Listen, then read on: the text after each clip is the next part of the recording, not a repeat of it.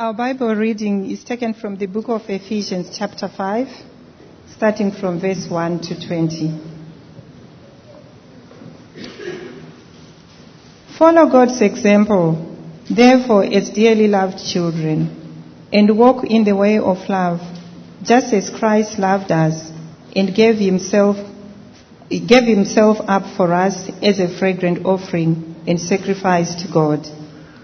Among you, therefore, not even a hint of sexual immorality of kind of, of any kind of impurity or of greed, because these are improper for God's holy people. Nor should there be obscenity, foolish talk, or coarse joking, which are out of place, but rather thanksgiving. For of this you can be sure, no immoral, impure, or greedy person, such a person is an idolater, has an inheritance in the kingdom of Christ and of God. Let no one deceive you with empty words, for because of such things God's wrath comes on those who are disobedient. Therefore, do not be partners with them, for you were once darkness, but now you are light in the Lord.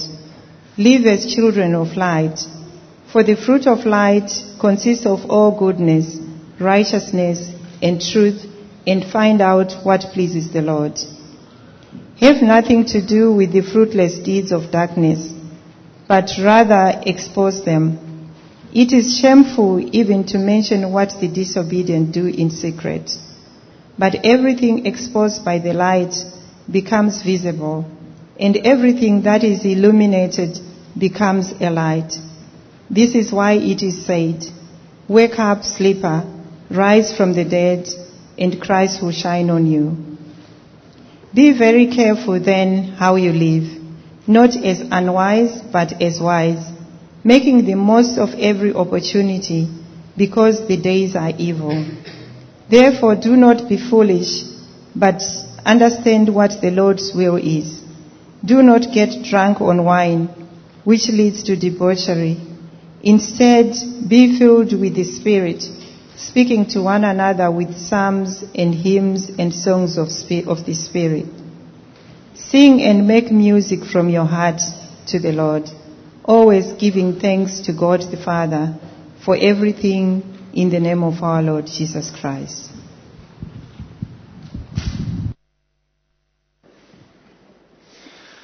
Good morning.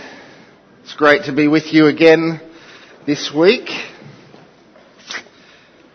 Uh, we're jumping into something a little bit different uh, this week and next week. We're, we're embarking on just two weeks where we're going to be thinking about two things that we think we face in 21st century as Christians. Uh, this week we're going to be talking on the topic of technology. And next week, Mark Collins will be joining you. He's going to talk on the topic of money. And so tonight, this morning, it's not night yet, uh, this morning, the topic is technology. Now, we use technology differently, and I know that everyone has different kind of uses of technology in their life, depending on your work or your home habits. And so there's a whole lot of different things for us to talk about um, technology and think about those different aspects. The reality is we live in a world, and we know this, we live in a world where technology impacts almost everything we do, but certainly a significant amount of what we do is impacted by technology. And, and the reality is with technology is sometimes the impacts of technology are, are not even the foreseen impacts. Sometimes technology ends up impacting our society or our, our lives in a way that even the designers or the creators didn't intend it to. If I give you a, a simple example, uh, the clock. Now the clock is one of the oldest forms of technology, obviously the sundial, um, but, but technology in the form of water clocks has existed for a long time. It's an old form of technology, but I can't imagine that the, the original creators could have foreseen just how huge impact the clock would have on life today. I mean, I can imagine that if there was an extraterrestrial life form watching Earth, they would start to question what this small device what hold this small device has over us. Uh, it seems to be something that governs our lives, and it's something that, you know, that they might wonder why we're constantly looking to the clock for approval uh, in how we do our life and the things that it governs. And, and while we understand the clock is there to measure time uh, and, and of time, uh, we use it in so many more ways. It, it's, it's a clock that an, an employer can ask you to arrive at work at a certain time and leave at a certain time. They can manage your tasks down to the amount of time you should spend on one particular task and, and, and optimize work through that process. But it's not just at work, it's, it's how we socialize. We work out how much time we can give to a friend to go out for a coffee and, and how much time is an appropriate amount of time to spend with a friend and what time we have to leave to get to the next thing. And so we see technology there being used far broader and, and in ways that may not have been foreseen. And, and technology impacts our society, our culture in many ways. Um, air conditioning has a huge impact on us. Uh, certainly air conditioning, we see something as air conditioning uh, gives us comfort. I mean, it's a morning like this morning when you hop into your car and you actually, the air the heater just doesn't respond quite as quickly as you want it to on a morning like this morning. And you're sitting there grumbling that it's not as hot as you want it to be rather than being grateful that you have any kind of heating in your car. But not, not only does it keep us comfortable, but it's actually changed our society. As we have made our homes and buildings more comfortable, we've moved into them more. And so in a suburb, people are spending less time out in the front yard, out on the front porch, where culture might have been to spend your afternoon after work sitting on the front porch, where you'd say hi to the neighbours as they walk by or as they're out on the front porch, we now retreat into our much more comfortable buildings. And so we've seen a huge impact on society as we've taken that step away from our neighbours. Another simple example is uh, cars. Cars were designed to help us get places and do it more efficiently and travel better, longer distances. The impact of that has been we now travel further to work. People aren't working alongside the same people they're living alongside anymore. We now travel further to the shops. We're not all going to the same local shopping centre. We now travel further to go to church. People are not just choosing the local church, but choosing a church that suits them in a certain area. We see steps happen and our society has become different. The way we interact has become different. Technology has been a huge part of that. And so technology impacts us whether we like it or not. It's something that's there. It's something we uh, want to be aware of. And so Christians need to think about technology. Uh, te- technolo- technology changes us. And it can change our values, it can compromise our morals, and it can impact our faith. And so it's something we need to be thinking about. And when we look at technology, technology is not either good or bad, but we know that technology can be used for both good and evil don't we? We see that in extreme situations like warfare, but we see it in what sometimes might feel like workplace warfare, or we call it emailing. Right? We see that sometimes technology can be used to cause harm. And so we want to be aware of it, we want to think about it. Uh, Billy Graham said, the problem is not technology. The problem is the people using it. And we want to be thinking about how we use technology. Are we using technology to point us towards God and take us closer to Him? Or are we using technology in a way that takes us away from God? Are we using technology that points other people to God and brings Him glory? Or are we using technology to glorify ourselves and, and raise ourselves up? Are we using technology to build God's kingdom? Or are we using technology to build our own empires on this earth. What we want to see as Christians is that we want to choose every day, in every way, to live for God. And we want to think about that in technology as we interact with it. Now the reality is, talking about technology from the Bible is a tricky thing. It's not, the Bible doesn't talk explicitly about technology. The, uh, the you know, great battle between Android and iOS is not listed in there, though I think, you know, I think that it is a battle of biblical proportions, but it's not listed in the Bible. We don't see that kind of uh, detail in there. And so it becomes difficult to think about technology and the Bible. But I want to think about some biblical foundations that we have as Christians that can be applied to how we use and think about technology. And if we, are going to start here in Ephesians 5 because I think it gives us just a, a good a starting place to think about technology because what we see here in this section of Ephesians 5, as we see in other places in the Bible, is God's people are called to be different. God's people are called to be, well, we're given the image here, children of light. That's what we're called to be. Children of light, set apart, different. And so we want to do that. We want to apply that to our lives. And so what we'll see is that children of light need to love like the light. They need to love like Jesus loves. We read that here in the start of that chapter. If you uh, have, have your Bibles open, Ephesians 5, we'll have it on the screen. Uh, it says this, in verse, starting in verse 1, Follow God's example, therefore, as dearly loved children, and walk in the way of love. So we're asked to be different. We're asked to walk in the way of love, and we're given this example, just as Christ loved us. What is it that Christ did? He gave himself up as a fragrant offering and sacrifice for God. Sacrifice to God. We need to love like Jesus. Children of the light love like the light. And what is that love? It's a sacrificial love. It's a love we see in Jesus. Ultimately, so sacrificial that he gave up his life. That's the kind of example we're given. We're, we're, we're, given that example. There's a danger with technology. Technology, because it changes and impacts our relationships, it changes the way we love people.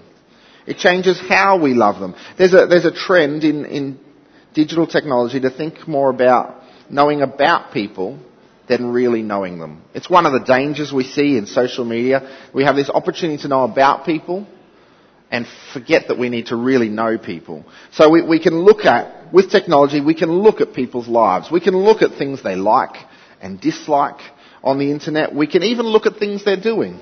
We can look at what they've been up to uh, during the week. I mean, depending how much people use technology, it seems like some people you can get an hourly update on what they're up to on, on the internet. And so we can see what people are doing.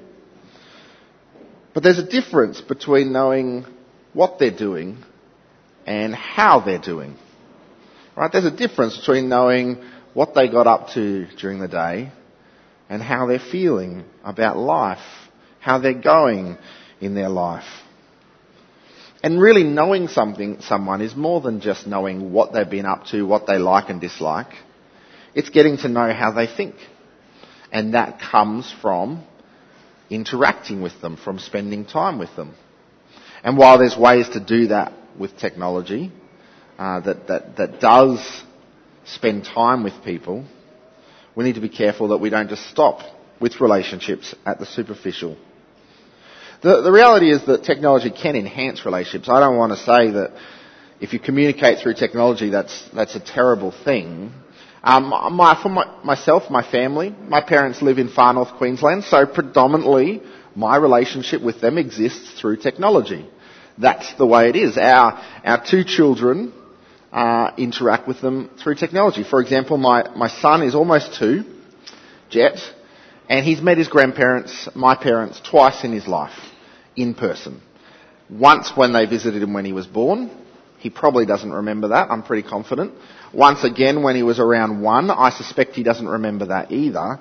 But he knows them, at least to some extent, through technology. Sometimes they, we call them just before bed and they have an opportunity to be part of that bedtime routine when we pray with him and when we put him to bed. Uh, we get to call them and, and, and, and chat. We use FaceTime so he gets to see them. We're going to see them in a couple of weeks and I'm hoping that through technology that he might be able to start connecting with them uh, and, and, and we'll see steps taken when he meets them in person again.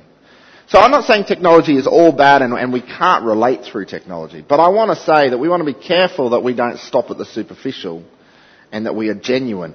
Genuine relationship means giving. Jesus gives us a great example of, of genuine love in the story that we, we know as the Good Samaritan. Jesus is having conversation with a religious leader and they agree together that it's important that you love God and love your neighbour and then Jesus uses this story to unpack what loving our neighbour really looks like. I mean, you know the story. There's a man that's beaten up and left on the side of the road. He's robbed. He's got nothing. Two guys walk by and ignore him. And then we get this example of genuine love. And this is what we see in the story. We see first of all that this, this Samaritan man stops for this man on the side of the road. Which I think in itself is an important thing for us to know in our world. I'm not sure it meant quite the same thing to Jesus. But for us, the idea of stopping for someone can mean a whole lot. The idea of taking time for someone in need and giving them that time in our busy schedules, in our busy lives, that is a form of generosity for some of us. We feel like we're time poor and we can be generous with our time. So he stops. We're told he bandages the man and, and puts oil on his wounds. Now the assumption is this man's been robbed, he has nothing, so the assumption is it's the Samaritan man stuff that he uses for that. Uh, I mean, possibly some of the bandages are coming from his own linen or of some sort, or even his own clothes. There's a giving there. He stops, he bandages him, he puts him on his donkey. He takes him to an inn, and I think for me this is the most powerful part of the story. He takes him to an inn, and he pays for this man to stay and be cared for at that inn. I mean, he doesn't know him. He's met him on the side of the road, and he could have easily have gone to the innkeeper and say, look, I met this guy, I don't, you know, I don't know him, he's not my friend, I've already helped him out a bit, could you jump in and help him out a bit too and give him some accommodation? Jesus' example doesn't do that. Jesus' example is generous. This man gives of his own wealth to care. Genuine love is sacrificial. It's giving. It's more than just putting, pushing like on a Facebook page or friends. It's more than that. It's giving to people. It's stopping for people. It's praying for people. It's spending time with people, whether that's through digital technology or in person. It's sharing Jesus with people. Genuine friendship is giving. Children of light love like the light. They love like Jesus, which is sacrificial love. And it's not just in those small things, but genuine love is greater than that, even to the point of giving up your life for a friend. That is genuine love. So children of light love, and children of light shine the light. They shine the light of Jesus. If we are children of light, our lives should reflect God. People should see God in us. Peter puts it like this in 1 Peter chapter 2 verse 12.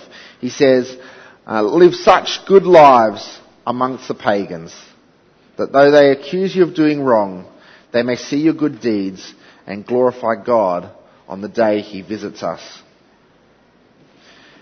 Our light, lives should shine the light of Jesus in everything we do. We need to choose every day in every way to live for God. And that includes how we use technology. Because the reality is, technology has changed the way people can view our lives. There's different elements of seeing and being seen. Um, this is reflected in um, Time Magazine, People of the Year. In 2006, you know, Time Magazine every year they pick a person of the year and they, they put it there. Well, 2006 Time Magazine, the person of the year was you. I don't know if you know that, but you were the person of the year for 2006. They published this. That grey area on the actual magazine was a, a mirror, was reflective service. And so when you looked at the magazine cover, you saw yourself, you were the person of the year. What they were uh, talking about is the fact that people have put themselves out there. Their lives have been seen by more other people in the world than ever before. That the, the internet has enabled people to be contributors and broadcast themselves in a way that they never have uh, before. And so we see that people can be seen in different ways. We can be seen in different ways. Uh, we see that people have a desire to look in and observe other people's lives. We see this in, in rea- the rise of reality TV shows. I mean, in some ways, reality TV shows are TV producers' gold, right? You buy a, you buy a house, you pay a whole group pretty much nothing to live in it, renovate it, whole lot of sponsors provide the gear, you sell it for a profit, then you sell the show for a profit, and people watch it, and it's working. I mean, worse still is you grab a group of people, stick them in a house, lock them in that house, and then we just watch them. I think um, if you had told someone a hundred years ago, I have this idea, I want to lock 20 people in a house and just watch them, I'm pretty sure they'd lock you in a padded cell like that's not the kind of thing you should be doing, should be wanting, but it's this rise in, in what people are looking for and looking at uh, today.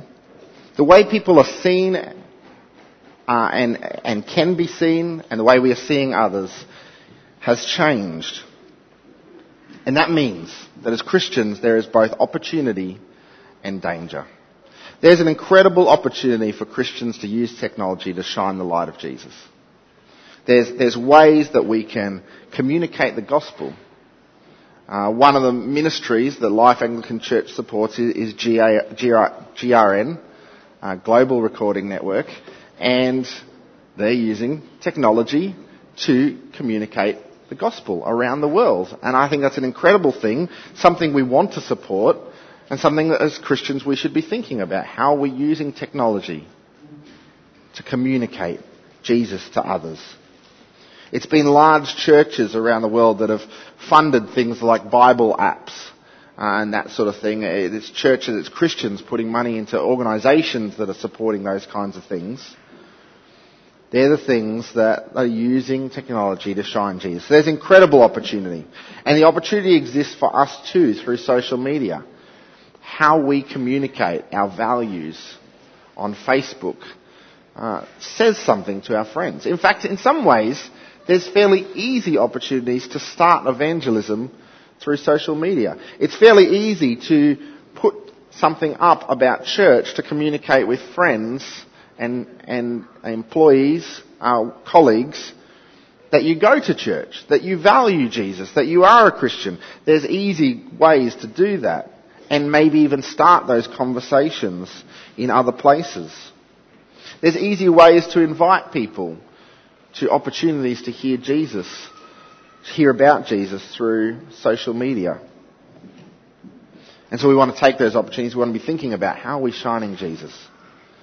But with that, there's also a great danger. And the danger is people are watching in on us in different ways to what they have in the past. And when what we are doing in our life is not shining Jesus, sometimes we're proclaiming that to the world through our digital interactions.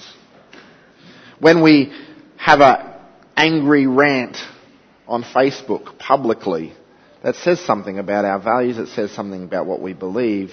It's not shining Jesus to the people around us. When our lifestyle is not honouring God and we're doing things we shouldn't be doing, and, uh, so, and, and photos come online in places that we shouldn't be, uh, then we're, we're not shining Jesus to the people around us. When we're unloving in online discussions, particularly about religion about God, about lifestyles, when we're unloving in those discussions, it's not reflecting Jesus. And so we want to make sure, as children of light, we shine the light. In Ephesians 5 there we read in verse 3, it says, But among you there must not even be, there must not be even a hint of sexual immorality or of any kind of impurity or of greed because these are improper for God's holy people. God's people are to be set apart. It's who we are and it's what people should see in us. He goes on, nor should there be any obscenity foolish talk or coarse joking, which are out of place, but rather thanksgiving. Children of light are to shine the light. And let me, let me add, that's something that we should be seeking to teach our children to do as we teach them how to interact with things like social media and other digital technology. We should be working hard at teaching our children how to act appropriately online. And I know as kids grow up, I mean, we got uh, children growing up today, we call them digital natives, right? They're growing up in a digital world. They understand it in a way that we don't. They interact with it in a way that their parents don't. And so that can be tricky. But we need to be important, it's important that we're proactive in teaching our children values and how they do it. I'm a big fan of, of parents creating a Facebook account with a child, just linking in some family members and starting off teaching them how to interact online, what, what kind of things you should put online and what kind of things you shouldn't put online. I think that's a, a great process. So uh, we want to be children of light, shining the light, and we want to teach our children how to do that. Children of light also seek the light. This image of light and darkness is a helpful one because the idea of darkness is linked to the idea of visibility. And so this image of darkness is tied together with things that are done in secret. The reality is that when we're doing things we don't, shouldn't be doing, we want to do it in secret. We want to do it in the darkness. And so, children of light shouldn't seek the darkness. We should seek the light. John chapter 3 verse 19 puts it like this. It says, This is the verdict. Light has come into the world, but men loved darkness instead of light because their deeds were evil. Everyone who does evil hates the light and will not come into the light for fear that his deeds will be exposed. One of the greatest dangers with technology, I think, is the ability to do things in secret. The ability to use technology in the darkness, in secret. No one wants to be seen to do the wrong thing. And the reality is technology enables us at times to do the wrong thing and no one know about it. Uh, a great example of that, a most obvious example of that, I think, is the online sex industry. Where we, we see things coming into our homes, access coming into secret private places. And it can be used behind closed doors. Even more so, they're saying the situation with smartphones has, has caused that problem to arise even more. Uh, 55% uh, of pornography is viewed on phones. Uh, in fact, that stat is a number of years old, so I suspect it's gone even higher than that. And the reality is that we have children growing up in this world where the access to things are at their fingertips in a way that it has never been before. And research is coming out. The big talk in research on this sort of thing at the moment is talking about neuroscience and, and how it impacts a developing brain and how the things we view uh, as the brain develops, how much that actually rewires the brain. And, and so different, different, the brain will work differently due to viewing things online. And half the problem is the world is telling us it's just normal and it's okay and it's just part of developing and it's just everyone does it, we just don't talk about it. And that's not right. It's not okay and it's not normal and it's not the way God designed things to be. And we need to work hard at being in the light. And we need to work hard at protecting our children and teaching our children. Uh, people talk about practices that are helpful, like having the family computer in a public space, about making sure there's software on the computer to help protect your children. I would add that there's software on phones that can do the same. It's important that we set those things up and we're working with our children. But let me also say this. Because our children are using computers different, it's important that we don't just set up those things, but we also teach. Because at the end of the day, there are always ways around the technology. There's always the missed thing, something gets through. There's always the missed opportunity when they're somewhere they shouldn't be. And teaching is very important as we raise our children to think about these things. We want to be children of light, living in the light, not darkness. And it's not just pornography. It's the movies we choose to watch. It's the TV we choose to watch. It's how much time we spend on those things.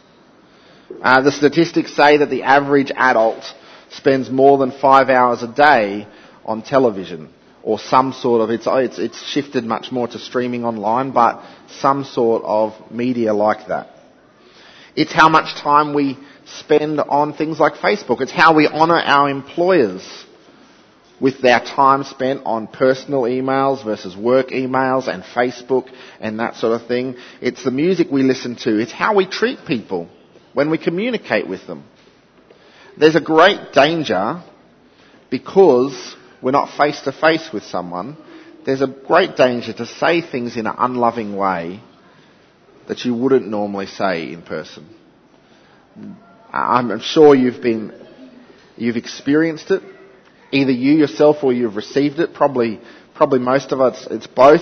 That moment where you're frustrated with someone and you write that angry email and you send that angry email before you have a chance to process it and things spiral out of control. We want to love the light and we want to seek to honour God in everything, even when we're not face to face with people, even when we're in the private uh, quiets of our own home. Children of light don't love the darkness. We love the light. Luke 12 says, There is nothing concealed that will not be disclosed, or hidden that will not be made known. What you have said in the dark will be heard in the daylight. What you have whispered in the ear in the inner rooms will be proclaimed from the roof. God is everywhere. God is all knowing. And actually, our relationship with Him is the most important relationship. And so we want to make sure that we're choosing every day, in every way, to live for Him. Because I don't think the issue is technology. The issue is hearts. The issue is our relationship with God. And so let me finish with this. This is Romans 12 says this. Therefore, I urge you, brothers, in view of God's mercy, to offer your bodies as living sacrifices. That idea of living sacrifices is talking about everything in our lives. Everything we do in our lives is part of that living sacrifice. How we use technology, how we interact with people, that's the living sacrifice. We to offer that to God holy and pleasing.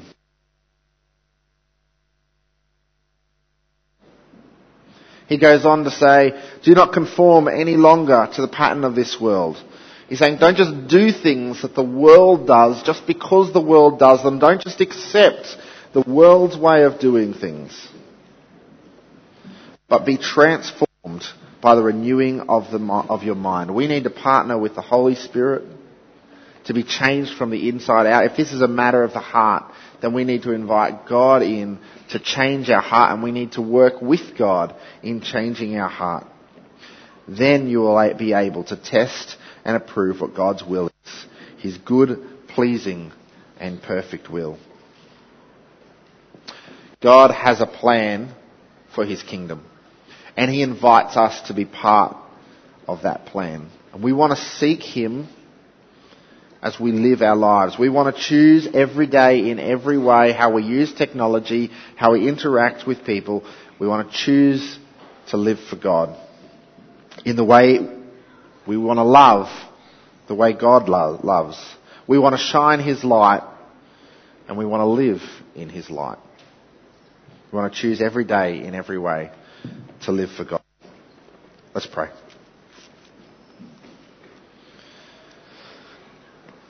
Father God, we thank you for the great gifts of technology and the great ways we've seen them bless our lives, the great benefits there are there as we seek to rule your earth and, and, and live for you in it.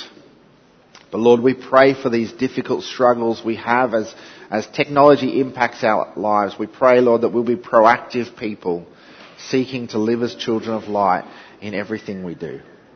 We pray that you will be working in our hearts, changing us to be more like you. In your name, Amen.